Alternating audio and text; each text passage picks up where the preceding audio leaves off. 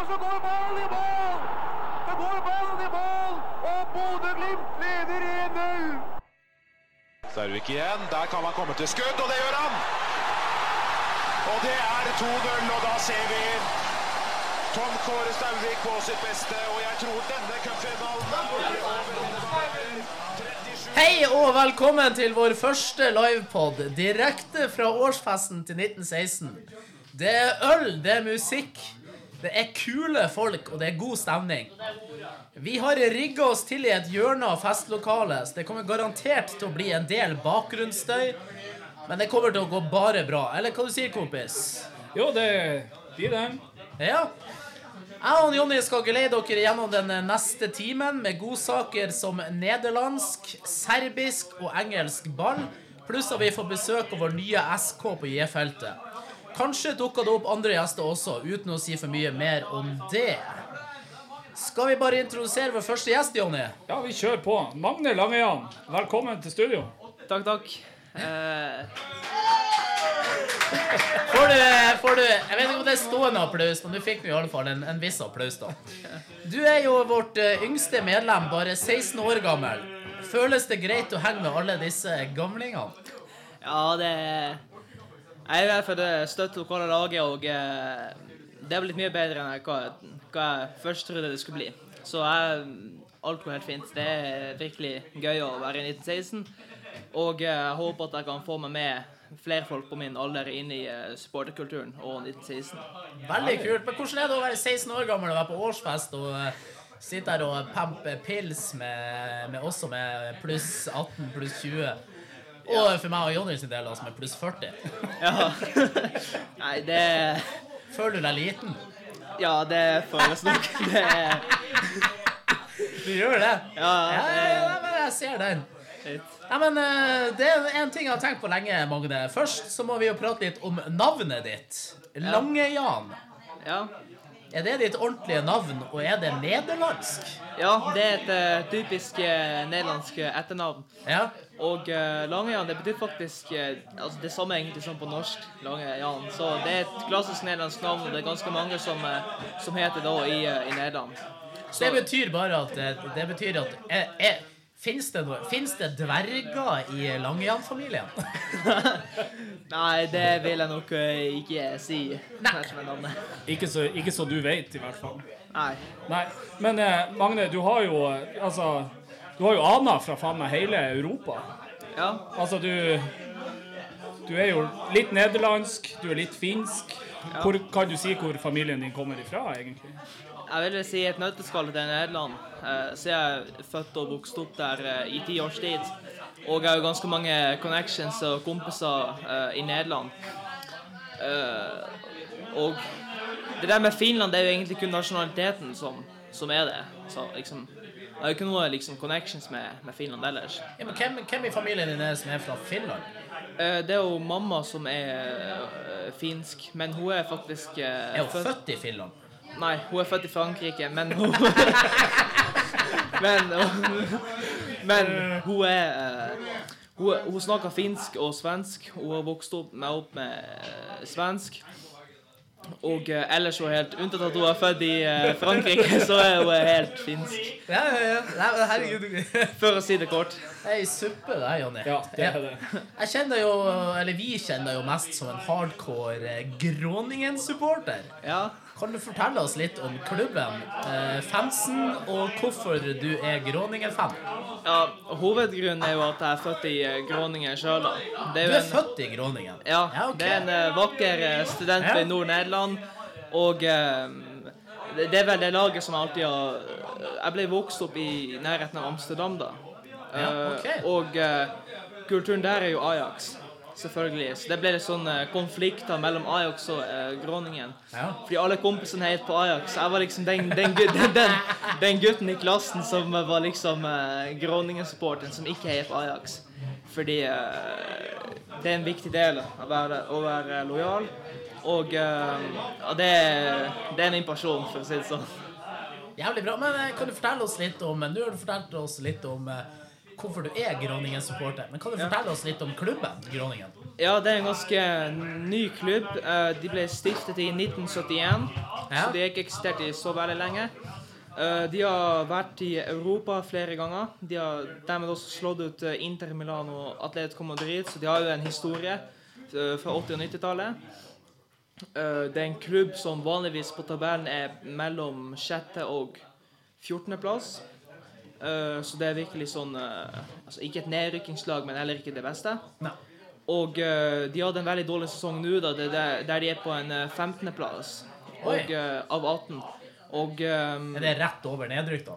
Ja, det er rett over nedrykk. Det er tre, tre lag i Nederland som rykker ned. Uh, ja, den siste rykker ned direkte, og så er det to lag som uh, har kvalik, da. OK. Ja. Så det er en slags playoff-turnering etter sesongen. ja. Så eh, Men de har brukt veldig mye penger nå på eh, å låne spillere fra storlag, og har tenkt å bygge seg opp. Og de har jo fortjent ganske mye på eh, van Dijk. Når han ble solgt fra eh, Southampton til Liverpool, så fikk Ja. du 1% av overgangssummen. Hvor, hvor mye? det, var, det var 9, 9 millioner kroner. Oi, ja, ja, det, Så det er jo greit helt- sikkert for å være nederlandsk fotball. Ja, ja, absolutt. Ja. Så de har jo produsert noen storspillere som Luis Suárez og Arian Robben og van Dijk. Så de har jo en historie der med òg. Og eh, Godmann-brødre kommer jo også fra Groningen og er født og vokst opp der. Så de, Ed, Edvin og Ronald. ja, de har en, eh, så det, det er identiteten vår. OK, men eh, hvor, eh, hvordan ser økonomien til Groningen ut i dag, da? Økonomien er vel eh, helt passelig. Det, det er ikke noe særlig dårlig eller ikke noe særlig bra, men Jeg tenkte siden de er nødt til å låne spillere. Ja. eh, det Det Ja, jeg tror ikke det er mange spillere som har lyst til å dra til Groningen hvordan de er nå, men okay. eh, men spillere som f.eks. ikke får spilletid i lag som AZ, kommer nå til Groningen, bygger opp uh, særlig unge talent fra Ajax for drar Ja. til Groningen. Så uh, vokser de opp i Groningen, som er Luis Suárez, så blir de, drar de til Ajax igjen. Og så uh, får de plass i st storlag, og så blir de sendt ut i Europa. Så. Suárez, når vi snakker om han, var han lånt av Groningen, eller kjøpte de han? Uh, FC Groningen kjøpte han Luis Suárez fra et lag i Uruguay. Jeg vet ikke hvilket. Og så uh, Sikkert Nacional, hører vi her i bakgrunnen. Eller Og så, eh, eneste uruguayske laget folk vet om. ja. Ja, Og så uh, ble, ble han toppskårer i laget, da. ja. Og så, som vi vet, eh, som Rosenborg er i Norge, er Ajax i Nederland et lag som kjøper opp de beste fra de mindre lagene.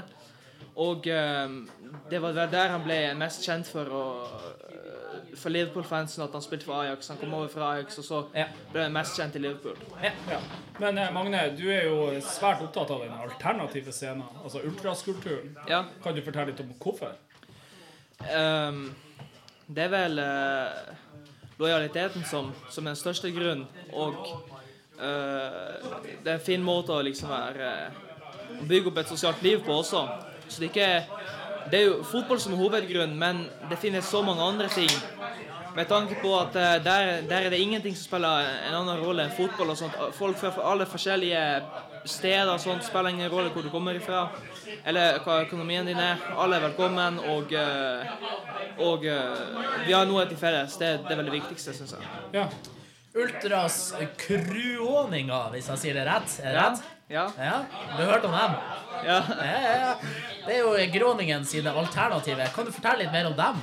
Uh, ja, de, er de består bare i to års tid nå.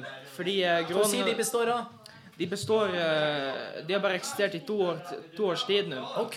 Fordi uh, Groningen Fanatics, som var født det før de, Jeg eh, elsker når du sier Groningen, for det er ikke Groningen som jeg og Jo- Jonny sier. Det det er sånn her Groningen. Ja. Groningen. Ja, ja, det er jo fett. Og så eh, Fortsett. Ja. Og så eh, hoved... Hovedbanneret til uh, Groningen Fanatics, det ble jo stjålet. Oi! Og uh, I løpet av de første årene. Uh, nei, det hadde eksistert i sånn ca. ti år Ja. eh, før den ble stjålet. Og uh, som vi uh, i ultrasverden vet, er jo det vanlig å legge opp uh, supportergruppa. Altså, legg ned supportergruppa Ja. hvis du får, får stjålet ting. Ja. Ja, Så starter du bare opp med et nytt navn. ja, Ja, Enkelt og greit. Ja. ja. Det Men eh, antallet deres jeg vet, jeg vet jo, jeg har jo sett på Groningen-kamper på TV. Jeg vet jo at de står eh, bak mål til høyre. Ja. Eh, antall pleier de å være på kamper, cirka? På en eh, vanlig kamp så vil jeg vel si at det er mellom 1000 og 1500 eh, fanatiske. Men, er det så mange? ja, men det er jo veldig eh, Altså eh, tett bånd mellom alle alle andre supportergrupperinger Ja. i Groningen. Um, og når vi f.eks. Uh, har en storkamp eh, Du så kanskje den tifoen med toget. Da, eh, da, da, ja, der ser du. Da, da jobber vi sammen med alle supportergrupperinger, som er kanskje noen tusen. Og da får vi eh, noe sånt til. Så vi er veldig Ultrasene består vel av flere tusen, men ultraskråninga består vel av 1000 til 1500. vil Så ultraskråninga består av 1000 til 1500 medlemmer? Ja. Det er jo sinnssyke tall. Ja, ja. Er, det, er det flere smågrupper inn i Kroninga, eller er det én ei ja. hovedgruppe? Ja, det, uh, Gråningen har også en uh, britisk eh, britisk eh, stil og en ultrastil. Så det er litt som i 1916 her også. Ja, OK, litt blanding. Ja. eh, vi har jo eh, Som vi ser i England, så er det jo sånne firms. Så det er de britiske firms. Uh, det har vi også i Groningen. Så vi har en som heter uh, Groningen Youth, og de består av ca. 40-50 stykker. Det er en veldig liten gruppering. Sånn klassisk britisk Snakker man litt mer casual-kultur, da? Ja. Ja. Casuals og uh, Casuals, hooligan, Ja. Den veien. ja. Ja. Nei, men eh, Det vi vet om nederlandsk eh, fotball, har vi jo mest fra de eh, tre store. Du, du vet jo sikkert hvem jeg tenker på da. ja. Eh, Ajax, Feyenoord og PSV Eindhoven. Ajax har jo fans som er kjent for en litt mer søreuropeisk ultrastil. Mer italiensk, kanskje. ja. Feyenoord litt mer britisk, vil jeg si. Ja. Eh, men hva i helvete er det PSV egentlig driver på med? Ja, det lurer jeg også på. Det, det, det er noe som, eh, som Er det noen i Nederland som vet hva de driver på med? Nei. Nei. Okay. Det er vel en blanding på, eh, på Ajax og Feyenoord. da. De har og litt, litt som Groningen, de har Ultras, men så er det også Ja. casual, så det er vel de to som spiller rolle. det ser så jævlig dårlig ut når de prøver bak mål til PSV Eindhoven. Er det så lavt nivå? Det er veldig lavt nivå med tanke på laget deres, altså hvordan de er i Nederland. At de er på førsteplass nå og eh, har et navn i Champions League. Ja. Så eh, de er jo litt større enn Groningen sin, da, men det er absolutt ikke noe ordentlig forskjell. Det er bare 2000-3000 stykk tenk- tenk mer på at eh, PSV Eindhoven er ikke en ny klubb. De har jo de har bestått i mange titalls år. Ja, ja.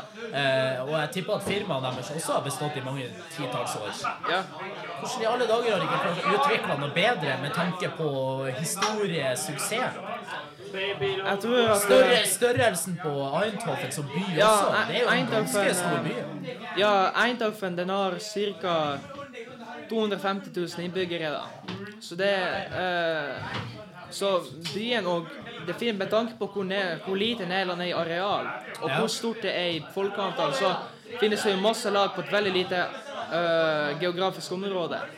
Og Eindhoven er jo egentlig ganske eh, Altså, det er en stor by i Nederland, men eh, PSV er ikke liksom som Ajax, de har fans rundt hele landet. Eh, så det er en typisk eindhovensk bu. Det er ikke mange fra andre steder som heier på PSV. Okay. Så det er vel det som spiller en, i hvert fall en rolle, det kan jeg si trygt. Ja, ja. Men er Magne, i, altså sånn, vi snakker om alternative grupperinger, altså, er, det, er det noen andre som er verdt å nevne i Nederland, foruten Eh, om de, altså de store? da?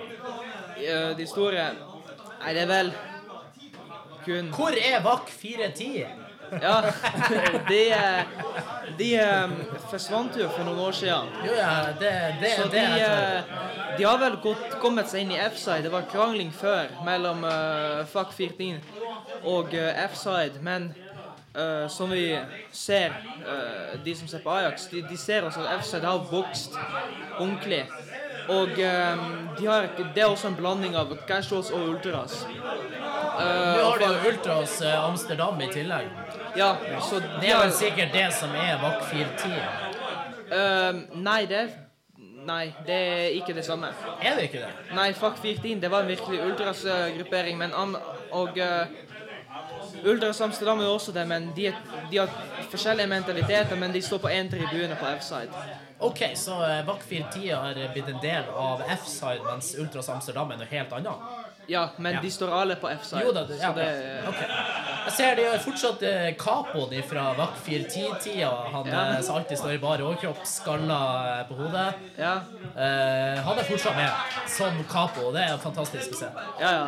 Men det er noen andre lag foruten eh, Feyenoord, Ajax og PSV og Groningen som du har nevnt, da, som er verdt å nevne. Ja, jeg, det jeg vet jo, Du har prata litt om eh, FC Tvente, som har bra kultur.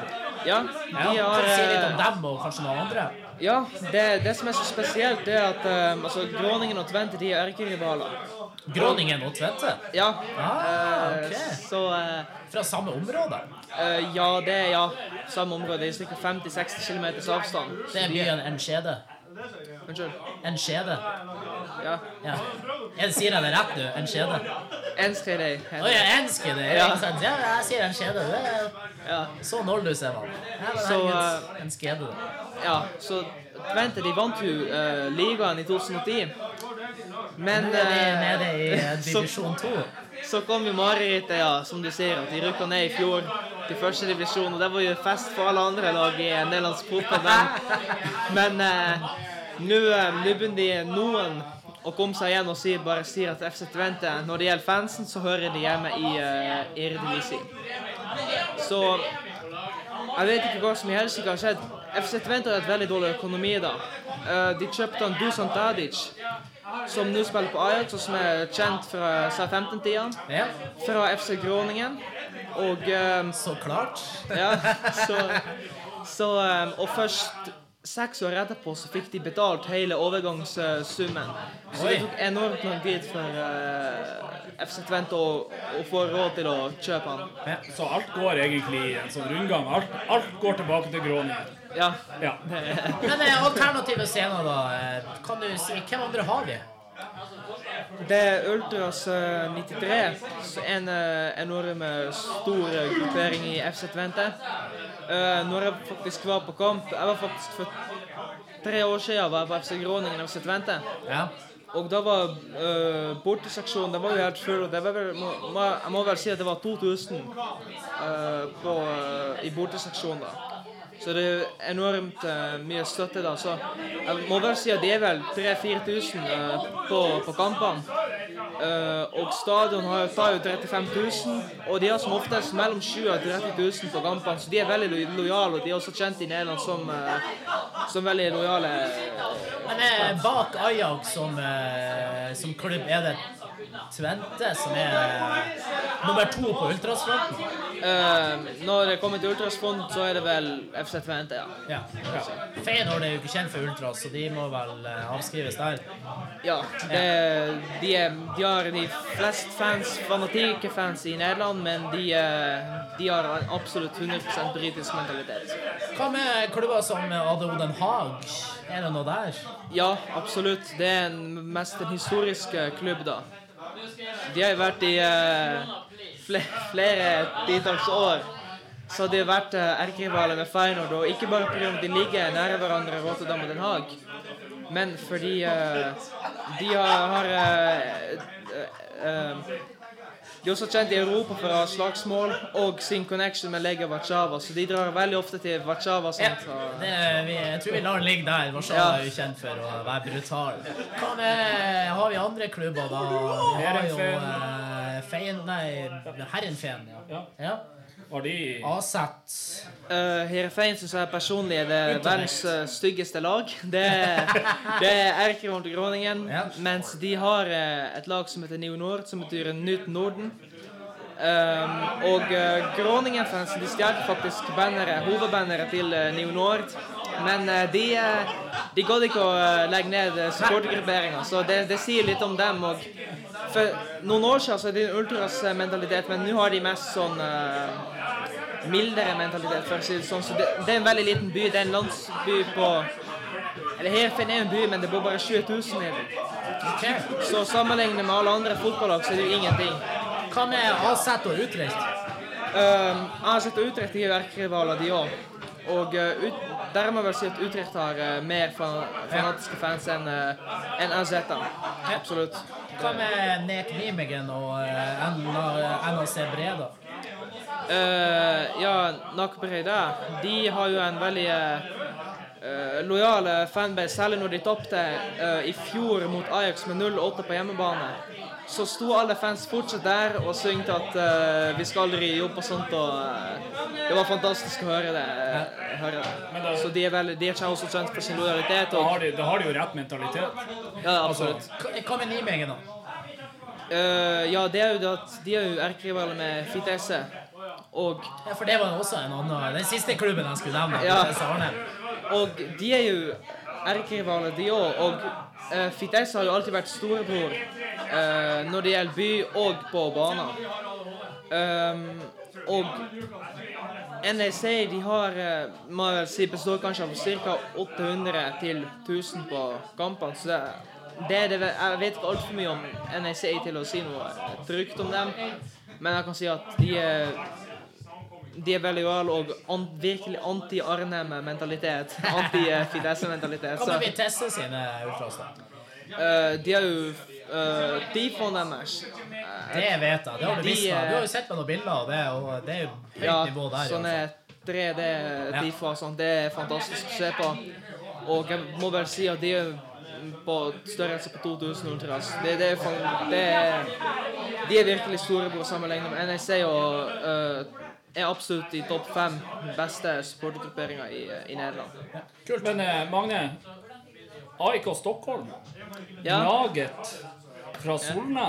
ja. Hvordan starta den kjærligheten? Nei, altså, det er vel um... Er det, er det pga. gul-svart at det, det, Nei, det minner min om Glimt? Ja, ikke sant? Det vel mest vært at siden jeg flyttet til Norge, så eh, Så hadde det ikke vært så mange Så så eh, var det jo veldig lett å komme seg til, eh, til Sverige og sånt. Så siden jeg savna ultraskulturen, Ja. så eh, Det er litt større ultraskulturen, kan du si. da. ja. Ja. Enn i absolutt. Norge? da? Ja, så ge- geografisk sett så er det jo ganske lett å komme seg til Sverige, til Stockholm. Så eh, det er vel der Altså, jeg kom for å se ultrasen i, eh, i lokalområdet vårt. Men hva, er, hva syns du er kult med Satan, jeg bråka Stian. Ja, Men i alle fall, hva du syns er kult med Norra Stå? det som er så kult, det er at eh, med tanke på at Stockholm har eh, tre fotballag, som Hammarby, Djurgården og eh, så måten Altså Bånden er mellom klubben og supporterne, den er helt fantastisk. Så eh, det finnes inget annet lag i verden som jeg kan si har en bedre bånd mellom klubben og, og fansen. Og um, som vi ser i Norge, så f.eks. Liten 16 uh, og eh, andre supportergrupper i Norge blir jo sett litt ned på. Ja. Men det er omvendt i Sverige. Der blir de liksom respektert, for å si det sånn. ja, de gjør jo det. Og, eh, og sånn får de også automatisk med seg mye flere folk og eh, mye flere nøytrale fans, for å si det sånn. Men hvorfor AIK, ikke Djurgården eller Hammarby? Nei, altså eh, Er YouTube. det, det er vel Altså, når man, når jeg må vel si at Hammarby har bedre tifoer og fans enn AIK, men Syns du det? ja, det må jeg vel Altså, si. Vi så den Kennedy. Jeg syns jo alle har jo bedre enn Djurgården. Iallfall i Stockholm. Ja. Hvis du tenker på de tre Stockholmslagene, så jeg er jeg fullt enig med deg at Hammarby og AIK er bra mye større enn Djurgården. Kanskje til og med Brommapoikene. Og Brommapoikene er større enn Djurgården. Ja, det var jeg. Er enig der. Nei, men herregud, det, det var jævlig kult å eh, prate eh, fotball med deg, Magne. Ja. Og eh, det var kult å ha deg med i studio. Vi får, eh, vi får heller ta og invitere deg i studioet vårt en annen gang, der vi får gå litt uh, dypere inn i den nederlandske fotballen. Ja. Uh, og kanskje finsk også. ja. Eh, vi snakkes i alle fall mer etterpå. det gjør vi. Veldig bra. Ha det godt. Skål. Da ønsker vi å få inn vår andre gjest for kvelden, eh, Mr. Kosovo Jezerbia. Kosovo Jezerbia. Ja, det var rett. Kan, eh, kan du oversette det vi sa nå med Kosovo i Serbia, Dusan? Ko- Kosovo Jezerbia, det betyr at Kosovo er Serbia. Ja, veldig enkelt. Nei, men eh, Dusan Vasic, straight Du- out Dusan. of uh, Dusan Vasic. Straight out of Serbia og Beograd. Det det er kult å ha deg med. Takk, det, det er en ære å få være med i deres uh, gruppering som er så høyt respektert i Ultras-Norge. Det er nesten verdt en applaus i seg sjøl, det der. Nei, men uh, Dusan, eh, du er jo, uh, du er jo vår Balkan-ekspert. Og en svoren, hvis du vet hva det betyr, Partisan Beograd-fan. Ja. Fortell litt om klubben Partisan. Nei, eh, Partisan ble jo stifta i 4. oktober eh, 19... Vet du det? Hvordan Vet ikke du dagen når Glimt ble stifta? September eh, 1916. Det sier seg. Hvilken dato? 16. september. 16. september. Jo, men ikke sant? Det Hvis, det man er, hvis man er så stor fan av en klubb, så vet man jo dagen og året den er stifta. Absolutt. Eh, den ble stifta av eh, kommunister etter eh, andre verdenskrig, som tok makta i Er det en kommunistklubb vi hører rykter om her, du sa? Altså ifra Er du rød? Nei. Nei, OK. Nei. Det, nei, det er en veldig sånn historie, kompleks historie som sikkert ikke gir mening, men både Partisan og Røde Stjerne ble jo ble jo stifta av eh, kommunister, men Jeg skjønner jo Røde Stjerne, det ligger jo litt i navnet, Ja. men partisan det er jo Jo, svart men partisan, altså Partisanere var jo kommunister som uh, kjempa imot uh, både Tito hele gjengen. Ja. Nei, altså, ja, Tito som kjempa imot uh, nazistene og uh, nasjonalistene, så Ja. OK, neimen herregud. Eh, Partisan er jo jævlig Det er en stor klubb i serbisk målestokk. Eh, hvor ofte i året reiser du egentlig hjem til Serbia, og ser du alltid fotball? da? Uh, Det har vært litt mindre nå i det siste. Jeg flytta jo hit når jeg var åtte år, så Etter det, når jeg for på ferie, så for jeg jo til Serbia så å si hele tida når jeg hadde fri. Og det var jo noen somre at jeg var to-tre måneder i Serbia. Og nå når jeg drar til Serbia, så føler jeg meg som hjemme. Det var noen Ja. av de første årene når vi bodde her så hadde vi ikke penger til å reise så mye tilbake, så etter en tre-fire år, når jeg kom til Serbia, så følte jeg meg liksom ikke som hjemme. Men nå når jeg er ferdig, så føler jeg meg som om jeg er kommet hjem, så det er jo Og for så vidt så Men Ser du mye fotball, da? Ja, altså Hver er gang du er hjemme? Hvis det er jo, kamp, jo, jo, jo, jo, selvfølgelig. Altså, uansett om det er en liten ligakamp eh, eller om det er Champions League-kvalik. Men nå kom han Mats Jens. Ja, det, det hørte jeg. Og Jonas. Det er mye wankers. Nei, men jeg bruker å være på kamp, og for meg så har det ikke noe å si om det er en liten ligakamp, eller om det er Champions League-kvalik, eller hva det er. Så. Ja. Hva med borteturer med Grobari? Har du noen historier å fortelle der? Jeg vet ikke om man skal fortelle det offentlig. Nei, men herregud, hvorfor ikke har, på. jeg har vært eh, to, to ganger eh, To ganger organisert. Eh, Hvor du har vært da? Nei, først var det en eh, liten ligakamp. eh, Mot, mot Rad Beograd. Nei, men det, Du har nå dratt til andre byer. Ja, ja. Nei, men det var en by eh, som heter Kola, som er én time eller to timer utafor Beograd med bil. Eh, med den bussen som vi tok, så tok det fire timer. For det var jo Det var jo en sånn eh, politibil. Én buss, én politibil, én buss. Så vi kjørte jo 40 timer. Og eh, hva jeg skal si eh, Det var jo organisert av fotballklubben Partisan og de, den offisielle supportergruppa. Og jeg skal ikke si for mye av hvordan det var i den bussen, men eh, man kan bare si at når noen tente på en vanlig sigarett, så ble man glad for å få litt frisk luft, så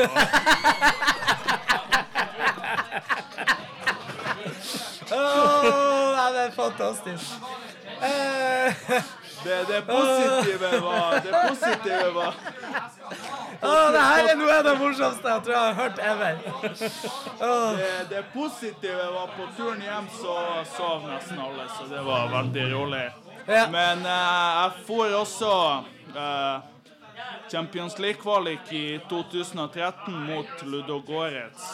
Du, du dro til, uh, Ja, ja, ja. til. Ludogorets? ja, ja, ja. Når, jeg, når jeg var hjemme i Serbia da, og hadde sjansen, og det var jo Det ligger jo en by som kanskje tar ti timer å kjøre. fra- Razgrad. Ja, Razgrad. Det tar ti timer å kjøre dit. Vi brukte 18 timer med buss. eh. Hva det er som skjer med de her eh, serbiske sjåførene? Nei, men det er jo, altså, selvfølgelig går det sakte. Da får vi fire sånne store dobbeltbusser. Så må man jo kjøre en politibil, en buss, en politibil. Ja, ja, ja. Ikke sant? Og da går jo det 40-50 km i timen. ja. Men møtte dere på noen eh, Dere var jo Bulgaria, raskere eller Ludogorets. De har jo ikke De har ikke noen fans å stille opp med. Var det Nei, noe, eh, det- det- var det Cheska eh, Sofia eller Levski Sofia? Nei, altså uh, vi, Eller er det noe vennskap? Da? Nei, men altså, vi Bari har jo vennskap offisielt med CSKA Moskva fra Russland. Og PAOK fra Hellas, fordi at de er også ortodokse, og det er offisielt vennskap. Men det er noen som også har et vennskap med CSKA Sofia fra Bulgaria, men det er ikke alle enig i, fordi at uh, vi har hatt våre kriger imot bulgarere for 100 år siden, så det er jo noen som har det pga. sine interesser og sånn, så Men uh, det, den turen er fra Noen høydepunkt når vi f.eks. for inn på en bensinstasjon, så er det kanskje 20 stykker som går inn der, og jeg var eneste som hadde kvittering på Nei, fantastisk. Eh, Og eh, når vi kom frem dit, så visste de ikke hva de skulle gjøre med oss. Så de måtte bare kjøre oss rundt i byen. Fant de et sånt eh, basseng som jeg tror ikke var åpent til dagen, som de bare oss, slengte oss inn på. Så Ja, ja. Nei, eh, hva nå skal man si? Det var en fyr i bussen som eh, var seriøs og sa når eh, vi drar ut fra bussene eh, Den som kan skaffe meg en TV, den får eh, 100 euro ifra meg.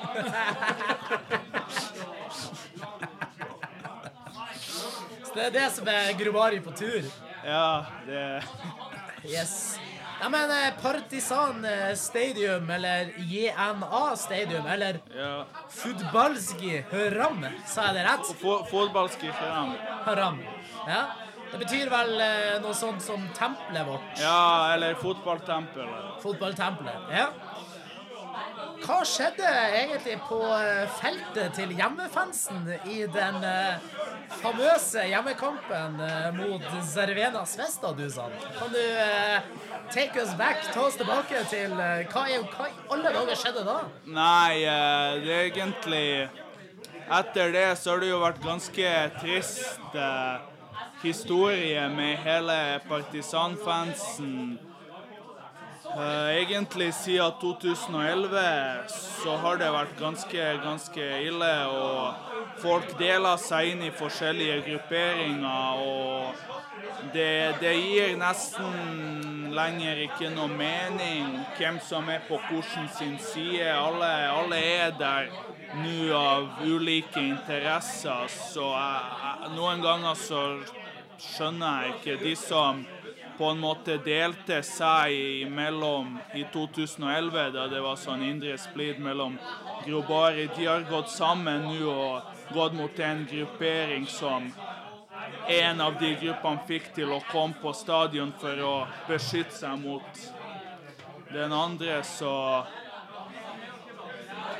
jeg, jeg, vet ikke hva jeg skal si med sikkerhet, men eh, det er veldig trist å fære på kamp eh, nå eh, hvor du har tre grupper som synger for seg sjøl, og siste derby mot Røde Stjerne når det er tre grupperinger som synger seg sjø- for seg sjøl i stedet for at alle står i ett. Så gjør det sånn at Røde Stjerne sine fans eh, blir mer høylytt. Det Ja, de virker jo mer organisert og bedre, og det er kanskje ikke Utad så virker det ikke som det er så mye splid innad i Servinas Vesta. som Det, det er det også, men eh, de, de er organisert på en annen måte.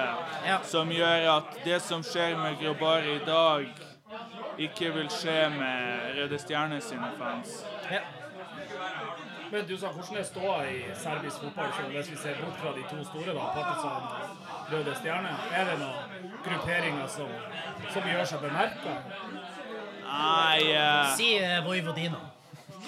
nei de, de er jo faktisk lagt ned. De, Nei. du, jo, jeg, jeg, har, altså, jeg, må, jeg må innrømme er at jeg ikke har sånn Jeg følger jo for det meste med på Partisan og Grobari, så jeg har jo ikke 100% kunnskap, men jeg har jo hørt at uh, Vojvodina sine fans uh, fikk stjålet flaggene sine, og at de på en måte er nedlagt, og de som er nå at det på en måte ikke kan være offisielt i en ultras. Ja. Du har jo også Rad sine supportere som er, Rad. Ja. som er ganske Er det de høyreekstreme? Ja, de er, det er sånn som ikke engang jeg vil eh, assosieres med. Så de er, de er ganske Hva med byer som eh, Obelik eh, eller Obelic? Obi- de, de er jo lagt ned for og, og det var klubben til han Arkan. Som, Ja.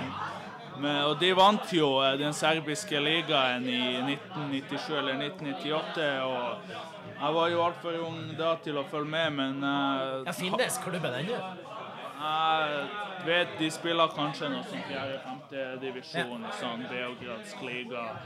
Men uh, de vant jo uh, liga, ligaen i 1997 på tvang, kan man si. Så Men eh, Vojvodina de er jo fra Novi Sad. ja. Ja. Eh, hva med det finnes det noen klubber fra Nij? Nij? Fra Nij, Nis? Nij, Ja, du har Radnitsjki Nij. som Det er var Radnitsjki? De, Ja. de er fra Nis? Ah, Ja. Okay, ja. Uh, de var jo en stor fotballklubb før, men ståa i serbisk fotball Det er kanskje som norsk fotball. Det, det er Røde Stjerne og Ja, altså, det, men altså, det er organisert på en helt annen måte. For sånn som Partisan og Røde Stjerne får jo penger fra staten, fra statlige firmaer, så uh, Selv om Serbia er et veldig, veldig fattig land, så gis det flere millioner euro i året for at Partisan og Røde Stjerne skal fungere og kunne kjøpe seg spillere og Ja. Hele plata. Kjenner du noen gang at du savna den eh, jugoslaviske ligaen? Den gamle jugoslaviske? Da det nesten var var, jo- Ja, men det var jo nesten hatoppgjør hver helg. Ja, men det var, det var ikke det hatet før krigen. Det nasjonalistiske hatet. Sånn som ting er nå, så tror jeg det der ikke fungerer. Du har jo en sånn liga i basket, men det er litt annerledes. Det kommer det er Er det en jugoslavisk liga i basket? Ikke jugoslavisk, men den heter sånn uh, ABA. Adriatic Basketball Association. Så det er oss det, Basket er annerledes organisert. Er Makabi Haifa tror jeg var med der, så det er litt sånn Ja, ja, ja, skjønner. Yes. Eh, hvordan ser du på den eh, serbiske fotballframtida? Altså, hvordan ser det ut? Er det, er det likt som Norge? At det er Altså, man kan si at norsk og serbisk fotball er på et likt nivå, men eh, hadde Serbia kunne vært like godt organisert som Norge, så hadde vi vært blant topp fem land i verden. Norge er jo ikke god i fotball, om jeg får lov å si, fordi at dere ikke er gode nok. Men, men i, i- i Serbia så er vi jo ikke gode fordi at du har sånn som eh, eh, Luka, Luka Milivojevic, som spiller på Crystal Palace, som er kaptein også. Det er ikke det største laget i Premier League, men han er kaptein på et lag i Premier League, som ikke spiller på det serbiske Du landslaget. husker fordi vi at, har, vi har Sørloth i Premier Palace. jo, men han, Han- han nei, han er solgt nå. Og han han sitter på benken. så benken. Men altså, poenget er når en spiller som er kaptein på et Premier League-lag, ikke spiller på landslaget for han ikke kommer overens med treneren Altså, man kan bare se siste året Serbia kvalifiserer seg til VM, og han som er trener Men Er ikke han egentlig australsk? Hvem? Mi, Milivojevic. Hvordan kan noen som heter Milivojevic, være australsk? Han er utflytta fra Serbia. jeg mener at han har delt statsborgerskap mellom Australia og Serbia. Kanskje han har flytta til eh, Australia. Australia, men han kan ikke være australsk. Men du sa fra noe helt annet. Glimt har jo hatt tre serbere. Ja. Popovic, Jeftovic og Mladenovic. Mladenovic, ja. Hvordan eh, Jeg har jo fått noen snapper og litt, litt sånn ifra deg. Hadde du god kontakt med de, siden du også er serbisk? Nei, jeg hadde veldig, veldig god kontakt med han eh, Zoran Popovic, som er en fantastisk fyr. Eh, Jeg hadde for så vidt helt grei kontakt med han Nemanja Mladenovic, og eh, han Milan, han var litt sånn Høy på strå? Nei, men han, han bodde Før han kom til Bodø, så bodde han i en liten landsby i Serbia, så han har ikke helt de sosiale antennene som en person kanskje burde ha. Men altså, du, du sitter jo her med Popovic-drakt på deg. Hvor- hvor- Hvordan er det å vite at både Jeftovic og eh, Popovic spiller for Røde Stjerne? Er det Altså, jeg kjente jo de før de begynte Altså, det er ingen reelle Stjerne-supportere som hører på deg, så Men altså, jeg har jo snakka med de før de spilte for Røde Stjerne, og jeg vet jo hvor mye de liker, parentes ikke liker Røde Stjerne, så Ja. Tør du å si noe om det, eller lar vi det ligge? hva? Om eh, hvor, hvor deres eh, lojalitet ligger i Partisan? Nei, altså, de er jo profesjonelle fotballspillere. Det er det samme som noen fotballspillere som kommer fra Åsane, liksom elsker de Bodø-Glimt. Jo, jo. Ja. Så, så de er jo profesjonelle fotballspillere som gir 100% på banen, men eh, det er ikke sånn som at de elsker klubben. Og... Altså, eh, Popovic han laga jo bare straffer. Den var jo Men eh, hvor ofte skjer det at det flytter seg spillere imellom Partisan og Røde Stjerne? Hvem var det siste, husker du det? Eh, vi hadde vi hadde nå sist sommer eh, en som heter Ognjen Ojegovic. En bra spiller. Ja, han, eh, han skåra en del mål i Europa League. Eh, Han kom ikke direkte, men han eh, spilte som ungdom og starta karrieren i Røde Stjerne og kom til Partisan. Og det var jo mest eh, Partisan-fans som reagerte på det, for man så jo òg på Facebooken hans at han skrev masse og sånn. og det er ganske mye konflikter. Du har han eh, Vladimir Stojkovic, han keeperen. Han kom jo heller ikke direkte, men han ble jo angrepet i bussen. eh, spillerbussen når han spilte for det serbiske landslaget. Og her kommer Runar Berg inn i studio, faktisk. Det er, det er kult. Det, det altså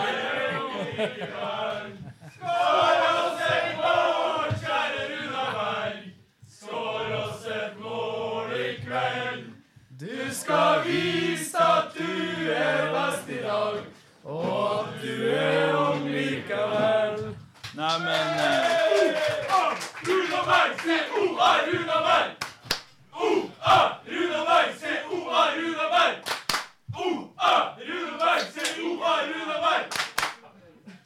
Nei, men eh, ifra, ifra Stojkovic til uh, Runa Berg Og tilbake igjen. og tilbake Da, da må vi egentlig- egentlig bare takke deg for at du, du stakk innom, du sånn. Takk, takk skal dere ha. Som eh, Mye, mye kult å prate om, og mye som vi dessverre ikke rakk å ta tak i.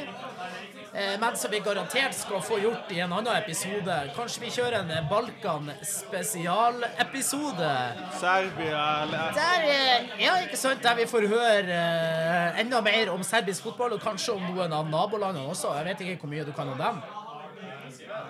Jeg prøver å vite unngå det. minst mulig. Fuck off. Nei, men uh, det her går, uh, det her går unna, Jonny. Ja, det gjør det. Yes, uh, da skal Skal vi vi få Da skal vi ta og få inn Så vår jeg vil, jeg vil bare Da skal vi ta og få inn Ja, OK, du sa du Nei, skulle jeg vil bare benytte muligheten til å hilse alle i Glimt Forum som driver og skriver og elsker klubben. Og jeg vet at eh, Bodø-Glimt eh, ikke hadde eksistert som klubb eh, uten at de ivrige som liker klubben, bruker all tida si på den uten å egentlig få noe annet enn glede igjen for det. Så både dere i 1916 og alle i Glimt Forum, står stor hilsen til dere. Nei, men Kloke ord det der, du sa. Vi skulle gjerne ha gitt han applaus, men det høres ikke like bra ut på, eh, på radio. Nei. Eh, da skal vi se å få inn vår tredje gjest for kvelden. Eh, vår første kvinnelige gjest. Og vår nye SK. Janne Kristine Ruden, velkommen til oss. Jo, takk for det. Ja. Hva vi skal si? eh, Janne eller Janne Kristine? Janne. Janne, ikke Janne Kristine. Hva med, hva med frøken Ruden? Helst bare Janne. Ja. Nei, men eh, Da vet vi det. Du er jo opprinnelig fra, eh, fra Østlandet og fra området Hadeland, stemmer? Stemmer det? Nå flytta til Bodø og blitt nordlending. Tør du å begi deg ut på noen nordnorske gloser? Fette kaldt. Det, det, var det, du, det var det du kunne. det holder nå. Ja. Men Det har hun lært på TV i den nye serien til NRK. ja, tre. stemmer.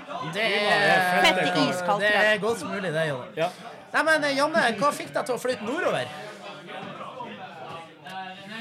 Det er vel egentlig Bodø-Glimt, da. Og naturen. Det er jo helt vill natur her oppe. For du hadde vært flere ganger i eh, Bodø før du slutta? Ja. Det har jo blitt en del ganger. På du- grunn av kamp, selvfølgelig. Men Ja, og du eh, likte det du så? hva sa du? Du likte det du så? Ja. Ja. Og så har jeg jo, um, før jeg flytta, så har jeg vært på tur på Per Kalstad-tiden, f.eks. Hmm. Det har jeg òg. Jeg så et snowboard på eh, Per Karlstad i juli. Ja. Faktisk. Jævlig kult. Jeg har ikke vært på Per Karlstad-ting, bare for å få det inn. Det, det vet vi, Jonny. Det vet vi. Ja. Eh, Det holder, det holder med at du har på deg bukse i dag. ja, jeg har Ja. faktisk på meg bukse. Nei, men eh, Hvordan syns du det er å bo her oppe, da? Jeg trives så langt, det. Ja, Altså, ja. Det, det er bra. ja. Trives i jobb og trives, Trives i veldig godt i jobb og um, syns det er veldig deilig å bo borte fra Oslo. Ja, men det mer tror ro og litt- ja. Litt roligere. Ja, og så er det en by, og det er mye som skjer, men på en måte det er mye mer personlig allikevel enn i Oslo. Ja, ja, absolutt. Og så er det nært naturen òg, for, Ja, for de som liker det, da. Ja. Yes. Nei, men eh, nå er det viktige. Du er jo ny SK, supporterkoordinator for året. ja. Hva, eh, hva tenkte du om den rollen? Nei, det blir spennende. Jeg håper jeg kan bidra positivt på mange måter. i hvert fall. Hva, eh, hva tenkte du mer om rollen SK? Hva, hva det vil si? Har du Eh, sittet Koordinator. har du sittet deg litt inn i det? I hovedsak så er det jo på en måte egentlig bindeleddet mellom klubben og supporterne. da. At jeg på en måte kan være mellommannen for Eller mellomdamen for Ja. eh, begge parter. Men er det, er det klubben som har eh, henvendt seg til deg, da? Ja. Ja. Det, mm. Og ønsker deg som SK? Sa de hvorfor? Eh, Jeg fikk jo høre når jeg hadde vært der, at de hadde vel allerede pratet om det med en gang de fikk høre om at jeg hadde flytta nordover. Ja. Så de, ja, de har vel egentlig fulgt med at jeg har vært litt engasjert på nett og vært litt engasjert generelt. Og at eh, jeg var veldig engasjert i Glis, da. Men hva tenkte de da om Fordi at du er bindeleder mellom eh, supportere og uh, klubb. Uh, Nå er jo Bodø-Glimt først og fremst en Bodø-basert klubb, selv om vi har Glis, da, som er kjempebra, Ja. basert i Oslo, området der. Eh, hadde ikke Glimt lyst til å ha en nordlending og en Bodø-person som SK? Sa de noe om det? Nei, det ble ikke nevnt. Nei, Det- ble ikke diskutert i det hele tatt. Nei. Nei. OK, men, men ja. Eh, Skjer det noe nytt med SK-rollen, eller supporterkoordinatorrollen, som, som du vet om i forhold til i fjor og tidligere? Nei, den har vel ikke akkurat utvikla seg så mye, tror jeg. Men um, nå blir det veldig mye samarbeid med Ørjan. Ja. Eh, jeg tror på en måte han kan bidra mye mer enn det har vært gjort tidligere. da. ja. Så han skal jo nå, Det har vel ikke kommet ut ennå, men vi skal jo invitere til supportermøte 19.2. bl.a. Ja. Som alle supporterne blir invitert til Aspmyra og ja. kan komme med hva de har lyst til, hva tanker de har til året, og hva de, vil, hva de ønsker, da. ja. Jeg, jeg har jo, jeg har jo sittet i den rollen sjøl, Ja. som supporterkoordinator. Ja. Eh, og da følte jeg at man ble veldig motarbeida av klubben. Hvordan, altså, du er helt ny i dette, men hvordan tror du samarbeidet med klubben kommer til å være fremover? Jeg håper jo at det blir eh, At det inntrykket jeg har hatt nå med de møtene jeg har hatt så langt, før jeg egentlig bestemte meg for å si ja, at det, at det blir sånn. For det har vært egentlig veldig ålreit. Og de har på en måte vært veldig opptatt av hva jeg har lyst til å si. Ja. Så det blir egentlig spennende å se. Eh, Så, så du føler at du blir, du blir tatt på alvor hvis du, Ja. hvis du kommer med saker som I vi fall så- supporterne ja. brenner veldig for? Eh, Jeg føler i hvert fall at eh, Nå er det Ørjan jeg prater mest med. Ja. At det jeg har kommet med nå, det har han tatt til seg. da, Og har faktisk eh, hørt på. Så det er jo, blir jo jobba nå mot at vi på en måte skal kunne få litt økonomi også til supporterne. Fra eh, klubben Glimt. Ja, eller det er litt uvisst, for det jo, de har jo ganske lite budsjett, da. Jo, jo. Men én tanke som vi har drodla, i hvert fall, er at eh, alle billetter på en måte som blir solgt på E-feltet over det som er budsjettert, da, at det går tilbake til supporterne. At det er en mulighet. Vet du hva som er budsjettert? da? 50 på E-feltet. Ja. Det er lavt tall, så det burde jo absolutt gjennomføres, tenker jeg da. Ja. Har, du, har du fått prata noe med Rolf Arne Holmen om eh, Det er veldig lite. Nei. Ja. Er det noe du har lyst til? Ja, jeg har jo Eller jeg prata litt med han bare over eh, meldinger. Det Ja. er det eneste. Så jeg ønsker å høre litt mer fra han med erfaringer også. Ja, jeg, jeg, jeg vet jo at Rolf har vært misfornøyd med hvordan Glimt har holdt på. Altså, Rolf ble lova altså, altså Neste spørsmål. Altså, kommer du til å bli sendt på borteturer med Glimt Eh, det som ja. Glimt betaler? Ja. Eller er det sånn at du må mase deg til det og betale det sjøl? For det er jo, altså, en SK-rolle skal jo være en, en rolle som gagner klubben og gagner supporterne. Ja. Ehm, det jeg vet nå, er i hvert fall at alle charterturene på en måte får jeg. Ja. Eh, utenom det så må jeg vel kanskje betale selv, men da blir det vel egentlig at jeg reiser som en vanlig supporter, og ikke som Og ikke som SK, da. Ja. Men det blir, blir ikke det dumt, da? For jeg tenker sånne borteturer som eh, Rosenborg borte og Tromsø Ja. borte. Det Der, er jo, eh, er jo borteturer jo- der vi er veldig mye supportere, Ja. ikke charter. Eh, Tromsø da- blir det i hvert fall charter. Ja, OK. Men iallfall Trondheim, det er jo Man har jo behov for en SK, tenker jeg. Ikke for et kvinnelig eh, medlem som er der for å drikke øl. Nei. Er du enig? Jeg er enig. Ja. Ja. Ja, men det er, det er veldig greit å ha et talerør for oss supporterne. Ja. At SK-en tar den praten med vakta, politi Jo, eller- jo, men at, hvis hun sier at hun må betale for turer, og da er hun egentlig ikke på jobb, i anførselstegn, så blir jo det kanskje litt litt svakt fra Glimts side. men turer som, som er chartra av Glimt, der, de, der, er de, der de vet at det er Der det kommer mye mer mye Der de forventer mye supportere eller Ja. at store kamper, så har de, kommer de til å sende SK, da. ja. Det gjør det. Ja, Ja. det er veldig bra. Eh, Det er veldig bra. Får du, får du ta deg noe pils eh, når du er med oss på tur? Eh, det, var, det var noe av det første jeg krevde før jeg sa ja. SK som drikker øl, er det innafor? Når du skal, stå, stå der og diskutere med Eh, vakta? Eh, jeg sa jeg skal først og fremst være supporter, men jeg kan jo ikke drikke meg full. Men en øl eller to på en måte før kamp Eh, innafor. Ja. Ja, OK. Nei, men Veldig bra. Jeg Blir pleier, pleier ikke å drikke så mye før kamp uansett. Jeg er livredd for ikke å få det med. Nei, men eh, du er jo ikke akkurat som et par andre av oss. Eh, Blir du å klare å holde kontroll på eh, pøblene fra 1916 når vi reiser rundt og i Norge og herjer, da? Det er jeg fortsatt litt skeptisk til. Nei, Ja. jeg tror det må gå bra. Ja, Du tenker at det er en enkel, enkel sak? Nei. Nei. det, det er der utfordringa ligger. Ikke Jeg, i eh, jeg håper ikke det blir noe Molde-tur. Nei, Vi, vi, er sat, vi, vi satser vel på en eh, organisert Molde-tur, der, det, det der, vi, der vi reiste flest mulig. Og vi vil gjerne ha med oss en SK som kan prate oss bort ifra å bli kasta ut denne Ja. gangen. ja, men Ja, det, her ble jo ikke kasta ut. Nei, jeg snakker om meg sjøl og andre. Ja. Nei, men jeg, Nei, men, eh, jeg mistenker egentlig at det kan være en fordel å ha en jente som Esko når det gjelder vakter. ja. Fordi de er lettere for oss å snakke med vaktene. Uansett hvordan man vrir og vender på det. Jeg er helt enig. Jeg tror også det. Nei, men, det har jeg eh, til og med erfart på Aspmyra før, eller bare som en supporter, og det er lettere å snakke med vaktene som en jente enn Ja. Nei, men eh, Glimt sine sjanser i 2019, eh, hva du tenker om dem? Eh, Litt midt på tabellen, tenker jeg. Ja. Eh, det kommer veldig an på hva vi beholder, og hva vi eventuelt får inn. Ja. Hvem du tenker vi klarer å ja, Hvem som blir solgt, og Jeg er jo veldig usikker, egentlig. Det ligger jo litt at Bjørnbakk kan bli solgt. Ja. Men da håper jeg eventuelt han går ganske tidlig, så vi får inn forsterkere. Ja. Eller får inn noen erstattere, da. Er det noen andre, da? Er det noen andre av gutta du tenker kan bli solgt? Sink? Det Angel. Sinkernagel håper jeg jo i hvert fall blir. Eh, Amor. opp, oppsett er det vel eh, mulighet for at går til et utland.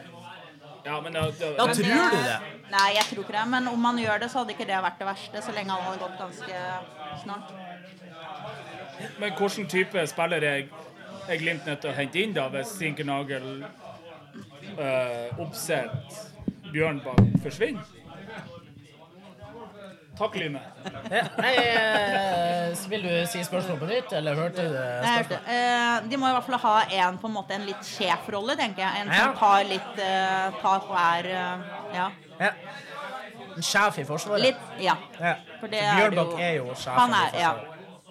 Det går, Det ikke an å, vi trenger det. Det må man jo ha. det går ikke an å erstatte han med en som er på lik linje med Lode. For det er jo to personer som egentlig ikke vet hva de driver på med, men klarer kun å konsentrere seg om seg sjøl. Ja.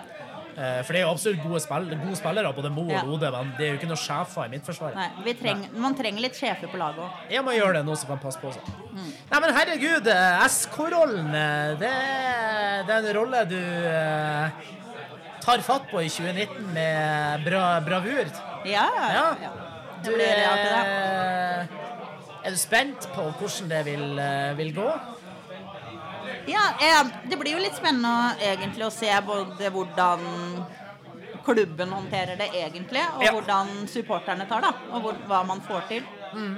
Men eh, enn så lenge så har det i hvert fall vært veldig mye positive ord, så jeg håper jo at eh, Det fortsetter. det fortsetter. Ja. Ja. Ja, du har jo fått mye positivt på, på Facebook når Ja. det ble lagt ut i, i går at uh... ja. Ja, vi får, vi, vi får jo håpe at uh, det ikke Ja. bare er Facebook som er positiv. Nei, at det- og det var jo sånn, når jeg var på styrehuset i stad, så var det noen som bare det, vi støtter opp under uansett. Men så blir det sånn Ja, vi har aldri sett dere på J-feltet, men OK. Ja, for utgangspunktet så er jo, som SK, så er det jo, det er jo J-feltet og klubben. Ja. Eller Glis, andre bortesupportere av klubben. Ja. Det er ikke de resterende familiemedlemmer på Aspmyra. Nei, det er jo stemningen, og det er jo Det er for oss Ja. og eh, supportere. Ja. Nei, men herregud, kult å eh, få tatt en prat med deg i uh, podden vår, Janne. Du er hjertelig velkommen tilbake hvis du har lyst. Da, Ja, vel, vel, vel å merke. Takk for det. Nei, men Veldig bra. Da skal vi ha inn eh, vår siste gjest for kvelden. Mr. Great Britain eh, Fredrik Crouch. Fordi han er så jævlig høy. Sørensen. Yes, yes, takk, takk. Fra selveste Fauske Jamaica og London. Velkommen til oss. Jo, takk så dere. Ja, Har du fått ta deg noen pils i kveld? Ja, litt for mange, kanskje. Ja, men det er veldig bra. Det er perfekt. Helt Perfekt match for uh, livepod. Uh, vi har jo gjemt det beste til sist, er du enig? Ja, det er helt enig. Ja. Det var egentlig ment for uh, meninga med her var jo at vi hadde lyst til å ha din storebror eh, Thomas med. Ja, men han er vant med å skuffe. Han skuffa i alle åra. Ja, ikke sant? Det var det Ja, jeg ja. òg tenkte. Nei, men eh, Vi har jo invitert deg hit fordi vi har lyst til å vite mer om din kjærlighet til klubben fra Brua. Yes, Chelsea. Stamford Bridge, Chelsea. Ja. Når, og, eh, når og hvorfor ble du egentlig Chelsea-fan? Nei, altså, jeg er født i 98, da. og Jeg har vært Kan ikke huske henne til å være Chelsea-supporter. Kan ikke du please si en bakgård i London, i Chelsea-området? Nei, det har vel med det at jeg er jo halvt engelsk. Mora mi da er fra London. Hun har jo en storebror, da, han eh, Leroy. Han var jo da elleve år første gang han dro på Chelsea-kamp. Ja. Og Da jo han sagt til bestemora mi at han skulle ut og leke med noen kompiser. Så sa jeg ja, ja, det er greit, må ikke bli så sein. Så han snek seg på toget. da. Det er jo kanskje 30-40 minutter unna med tog. Ikke hadde en billett til kampen, men han hoppa jo bare over gjerdet, for da hadde vi hadde jo bare en sånn liten stadion før, vet du. Så så han kamp, og så ble han bitt av basillen. Og så har han bare ført det videre, så jeg har, jeg har ikke hatt noe valg, håper jeg å si. Så dere er en uh, Det er på grunn av din storebror Leroy at dere er Chelsea-supportere? Ja, det er jo egentlig pga. onkelen min. Ja. Så Og det- så det- For at eh, de, han Thomas, han største broren min, vet han var jo mye i England. For da levde jo bestemora mi, så de var jo der nesten hvert år. Så de, eh, de ble jo eh, Når de skulle til onkelen min, så hadde de ikke så mye annet valg, vet du. Han bare pressa på med Chelsea, Chelsea, Chelsea. Så da ble det Chelsea, og vi har ikke Skal ikke klage på det. Nei. Men du har jo noe karibiske aner, har dere ikke det òg? Ja, vi tar så mye. Jeg er jo Bestef, bestefaren min fra Jamaica, bestemora mi er halvt irsk, og så hun har noen skotske foreldre. Det er, er faen meg hele sulamitten. Har du vært på Jamaica? Har ikke vært der ennå. Men Har du slektninger nå på Jamaica? jeg, jeg er nesten 100 sikker på at han Usain Bolt eller han Bob Marley er søskenbarnet mitt eller onkelen med et eller annet. og sånn der. Et eller annet rart. Ja, det må være noe. Han kjenner på meg. Nei, men det er veldig kult. Eh, men den, den karibiske familien din som Jonny prater om, er de fra eh, området Chelsea i London? Nei, vi er jo egentlig fra Island, da, så det er jo nærmeste. Det blir jo egentlig West, da. Ja, OK. West. Ja. Ja, ja, ja. Men eh, hva, hva skjedde der, da? Hvorfor er ikke dere Hammers-supportere? Nei, det var jo vel det at onkelen min hadde jo noen kamerater da. Og, Ja, som hvor var- han er fra? Han er jo også fra Island. Vi er jo fra en plass Ok. som heter Stepney Green, sånn liten, Ja, ja. liten plass som er blitt en ordentlig dritplass nå. Men jeg skal ikke gå inn på det, da. Nei, Men, nei. eh, ja. Så vi var jo drit på den tida, da. Og så er har blitt så heldig at vi er i den klubben vi er i dag. Hvilket eh, år er det vi prater om at du ble Chelsea-supporter? Eller Thomas ble Chelsea-supporter? da? Nei, hvor til han ble? Han, følger, han er født i 88. Han er sikkert basically på tidlig 90-tallet. Og jeg er sikkert kanskje i 2000. Han var to år. Jeg tror det var to-tre år da jeg fikk min første Chelsea-drakt. Ja. Med mitt eget navn på fire på ryggen.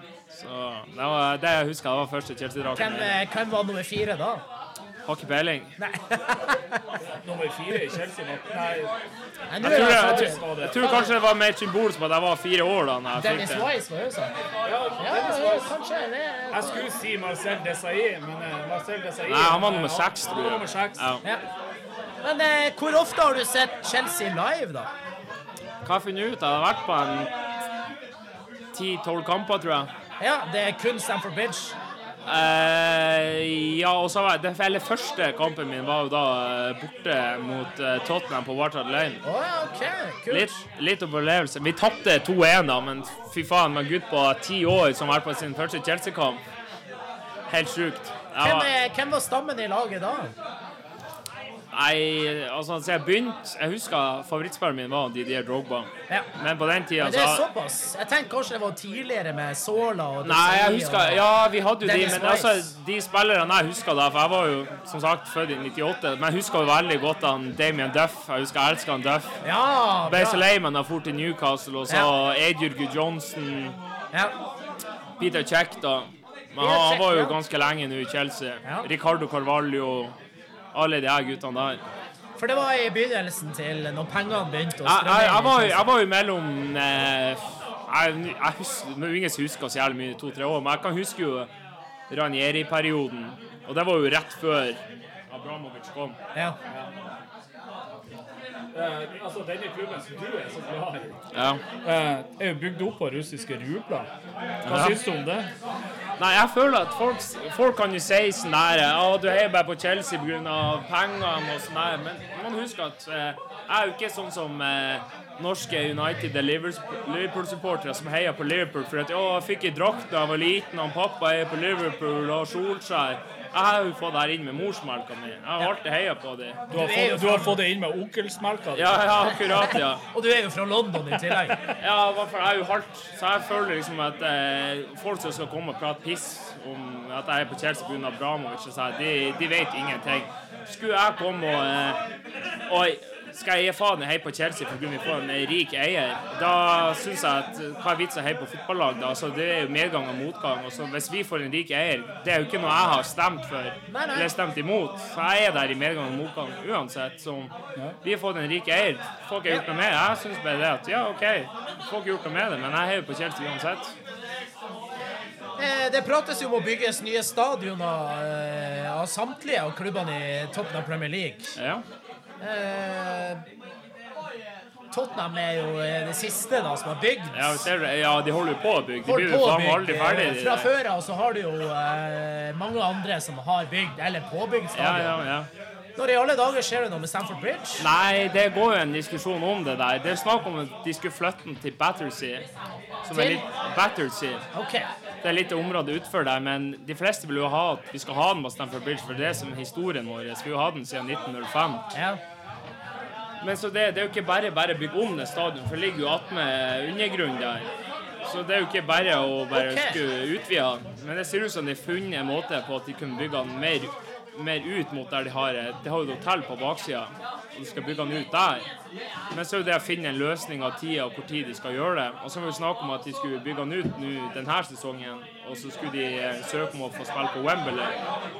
Men det har ikke blitt noe av foreløpig, i hvert fall. De er jo nødt til å vente på eh, Tottenham. Ja, må jo sikkert vente i tre-fire år til, så får vi se. Tottenham, Tottenham er jo nødt til å komme seg bort fra eh, Wembley først. Ja, det blir ikke skje med det første. Nei. Du vet jo om Daniel Levy. Ja. Nei, men eh, tror du at eh, Det er mye snakk om eh, spissproblematikken i Chelsea de her dager. Tror du noen gang at de kommer til å finne seg en ny spiss? Må. Eller, eller må de ta til takke med et comeback fra eh, Tor André Flo? Nei, altså Vi må jo se på de rette type spissene. Du ser jo de som har altså Vi hadde jo Agud Johnson som var kjempegod. Han var sånn kompakt og god på hodet, god feilvendt. Så hadde jo Drogba, var jo god på alt, men han var sånn kraftspiss. Kom med Nelka i lammet som spisspartner. Funka greit, det også. Så får vi inn en Torres, er gjennom, gjennombruddsspiss og spansk fitte, for å si sånn.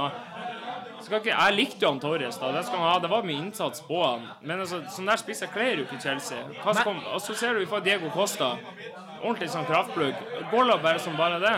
Men dere har jo hatt eh, Samuel E2, E2 ja, men det var, ja. men det var jo sånn Det Det var Gianfranco Sola, da. ja, men det var jo før det her. Før Ja, vi altså- hadde de her spissproblemene.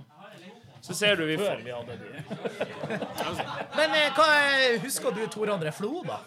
Nei, men det er blitt fortalt mye om det, så det Ja, hva, altså- hva du har blitt fortalt, da? Nei, det var, det, det var den der lange norske, vet du. Han og han Sola hadde jo det partnerskapet. Men han var jo mye på benken. Han var jo litt sånn som Solskjær. Ja. Han var inn på var ordentlig sånn Men, supersub. men eh, Chelsea hadde jo han eh, Gianluca Vialli òg. Det hadde vi. Der Så- snakka så- vi eh, bra spiss. Altså, Vialli Sola var jo et fantastisk spisspar. Ja, jeg syns også det var eh, var et veldig bra spiss. Sola er jo, eh, er jo en guddommelig utgave av fotballspiller, tenker jeg da. Ja, det er ikke verst for. Han kom jo til Chelsea da han var sånn 30 år. Ja. Og ble der vel til han var Ja, han var ut, 35. ut karriere. 35, tror jeg. Ja. Ja. Altså, siste kamp mot Liverpool i 2002-2003, tror jeg det var. Faen, det er lenge siden. Men eh, som fan av den britiske mentaliteten og kulturen, hva syns du egentlig om altså, det som skjer andre plasser i Europa? Og da tenker jeg da på Ultras og den alternative scenen. Nei, altså Jeg syns jo det er bra, men liksom, engelsk fotball før i tida, det var Det var liksom Det var jævla bra, det. Da, da måtte du stå på eh, stadion og alt det der. Så jeg syns jo det, det eksempel Crystal Palace, de prøver jo på altså De blir litt latterliggjort, men sånn, noen må jo starte der. Synes jeg, altså, Folk kan jo prate så mye drit de bare vil, men altså, en plass må man jo starte. Hvor de er om ti år, det vet vi jo ikke, men de har i hvert fall prøvd å starte noe. Ja, altså Holdstale Fanatics gjør jo en god jobb i forhold til, til det og drar det altså ultraskulturen inn i, inn i England. Ja, jeg tenker både, både Celtic og Rangers i eh, Skottland er jo eh, veldig i front eh, med tanke på ultraskulptur, sammen med Holsdale Fanatics, som er fra Crystal Palace. Og så har du i tillegg på nye Tottenham sin stadion Det blir jo den Det er jo første stadion som får safe standing i England. Det er jo egentlig helt sinnssykt. En revolusjon i britisk fotball. Og for min egen del så syns jeg det er fantastisk. Ja, det er jo Er det noe håp for resten av øya, da? Ja, det er jo det, men altså, det må jo være på visse områder. For du ser jo, før i tida så Alle sto jo. Du ser jo nå, så hvis du står liksom på de, liksom, de harde kjernene Alle står jo og ser kamp. Ja, ja. Altså, du står jo uansett. Men å bare få trygg ramme rundt det der, bare, bare det kan liksom skape en god stemning med at liksom, her kan du stå, og folk er forberedt. Sitter du her, eller er du på denne sida, så står står man og ser kampen. Så folk, folk vet det, de er forberedt på at her står man. Ja. Jeg føler bare det, liksom, det kan skape stemninga istedenfor å skal sitte på The Shed End eller Matthew Harding, og så blir folk irritert for at du står hele kampen. Da vet du at skal du, skal du være på denne sida, skal du stå hele kampen. Og jeg føler at det kan lage mye bedre ramme rundt kampene, gi en mye bedre stemning. Hva du tenker om flagg og sånne ting på britiske tribuner? Er de der? Eller er Jeg, tror- jeg, jeg, tror, jeg tror ikke vi er helt der ennå. Det er ikke, det er ikke akkurat noe britisk kultur der å stå og flagge, men kanskje i framtida. Men akkurat nå så er ikke vi helt der. Det, det er vel bare ett lag som har flagg på Ja, det er vel Palace Pelle som står der med Jo, men uh, Liverpool har jo flagg, men det er kun før kamp. Ja, det er kun før Altså- Helt enig. Altså sånn visuelt så hadde det vært mye kulere å ha flagg og hatt stående, syngende supportere som synger i Pelles, kampen. Pelles er vel der med flaggene under kampen? Ja, ja, ja. De har jo eh, Grunnen til at eh, Holmstad Fanatics starta, er jo på grunn av at de har et vennskap med Panianonos eh, fra Hellas. Panionos. Panionos heter det. Ikke Pantnaikos, men Panionos. Ja, og det, det vennskapet som har utvikla seg til å bli ultraskultur i da. Og som de har lyst til å utvikle videre i England. Men eh, tenk du at britisk fotball noen gang eh, kommer tilbake til seg sjøl og den arbeiderklassekulturen? Eller blir den vanlige mannen i gata prisa helt ut? Ja, det, det er jo moderne fotball. Du ser jo. Det, altså, det er ikke sjans å komme tilbake der det en gang var. Altså når, når vi, eh, altså, vi nordmenn og generelt andre folk reiser bortover dit, vi hjelper ikke på saken. Nei, vi, be, vi betaler gjerne 800 kroner for å se det engelske laget vårt. Mot Brighton eller Ja. eh, Men husk, nå kjenner jo vi dobbelt så godt som de, og 400, 400 kroner kan de strekke seg til, men om de skal begynne å betale 800 kroner, det har ikke de råd til. Nei. Og da blir det sånn at skal du, eksempel når jeg drar og ser Kjelskam og Stamford Bridge, syns ikke det er noe artig lenger, for det er ikke noe stemning. For det er folk som står der med kamera og telefon og skal filme alt. For det er bare vi som har råd til å se kamp. ja. Så dessverre så, så kommer det til å bli sånn. Jeg ser ikke for meg at det kommer til å endre seg. Men, men tror, tror du den engelske kull, Altså billettpriser som kan ta etter Tyskland, eller så, sånne Altså i Tyskland så Bayern München, som nå er en, en storklubb, tar jo 800 kroner eller 1000 kroner for, for et sesongkort for, for, for supportere. Det ser ikke jeg, det ser ikke jeg for meg, for det er såpass stor interesse for engelsk fotball at eh, Ja, det er såpass stor interesse for engelsk fotball at Jo, vi jo men, men altså TV, media og alt det her gjør jo til at Altså, engelsk fotball blir, blir snakka veldig opp. Men altså, engelsk fotball er jo ikke Altså, Spania, Serie A og Tyskland Altså, det er jo liga som er like god, om ikke bedre, som trekker like mye folk. Men altså, sånn supportermessig så er det jo helt annerledes i Tyskland enn i England Og Italia, for den saks skyld. og i Italia. Ja, det grunnen til at det liksom kommer mer sånn, si, lokale supporter på de italienske og de tyske kampene, det er fordi at det liksom, i Norges oppvokst det er Premier League, det er ligaen vår.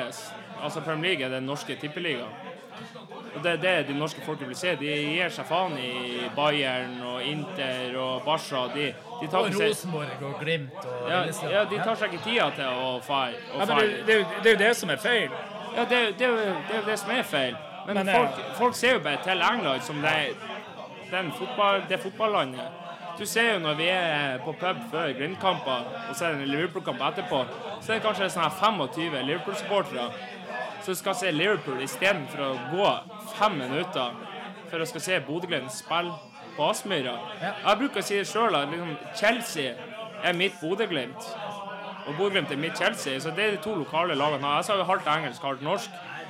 Har jeg sjansen til å fære opp på stadion og se en Glimt-kamp samtidig som det er Chelsea-kamp, så drar jeg på Bodø-Glimt-kamp. Hvorfor i verden skal jeg være og se Chelsea på TV når, Nei, mitt, når jeg har i mitt lag som er i den øverste ligaen?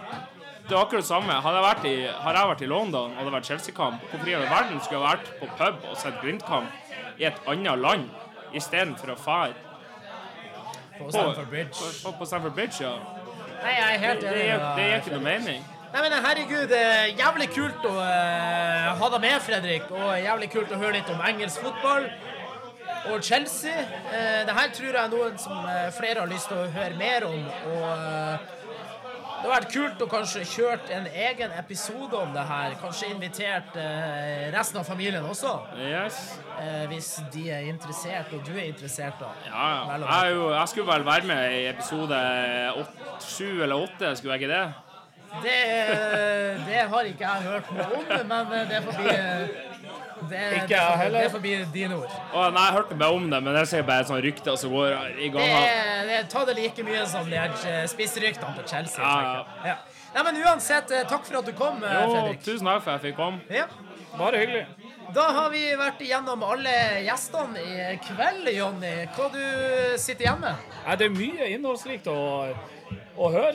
Altså, det, det er tre gutter som elsker tre andre klubber enn en Bodø-Glimt, Ja. som vi laga denne podkasten for. Ja, ikke sant? Jeg tenker Og det. det er veldig spennende å høre hva, hvilken opplevelse de har av norsk fotball, og den kulturen de kommer ifra, som er Serbia, Nederland og England. Ja, jeg er helt enig. Men eh, vi får begynne å runde av. Eh, vi må jo få tid til å prate med resten av gjengen. Kanskje ta noen pils også. Det ble lite øldrikking her. Eh, vi kan ikke bare sitte her og eh, prate piss. Det kan vi. Eh, vi, vi kan det, men ikke hele kveld.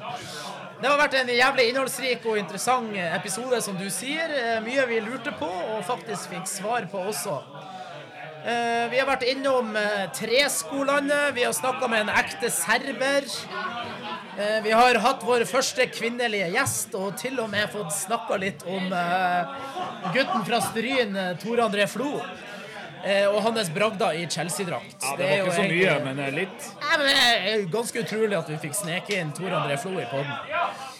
Vi er nødt til å få takke våre eminente gjester. Magne Langjan, Dusan Vasic, Janne Kristine Ruden og Fredrik Sørensen. Med det sier vi vel takk for oss. Janne? Ja, vi gjør det. Ja, vi gjør det. Mitt navn er som alltid Bård Espen Bjørne, og med meg i dag har jeg som vanlig min makker Jonny Christensen. Takk for at du gidder å høre på podden vår. Vi er tilbake før du vet ordet av det med en ny og eh, genial episode. Inntil da, følg oss på Twitter og Facebook, og hør våre episoder som allerede ligger ute på diverse kanaler, som f.eks. iTunes og Spotify. Gi oss gjerne en eh, tommel opp eh, på Facebook-sida, har vært jævlig kult. Følg oss der. Til det så høres vi. Adjø, Jonny. Adios! Adios.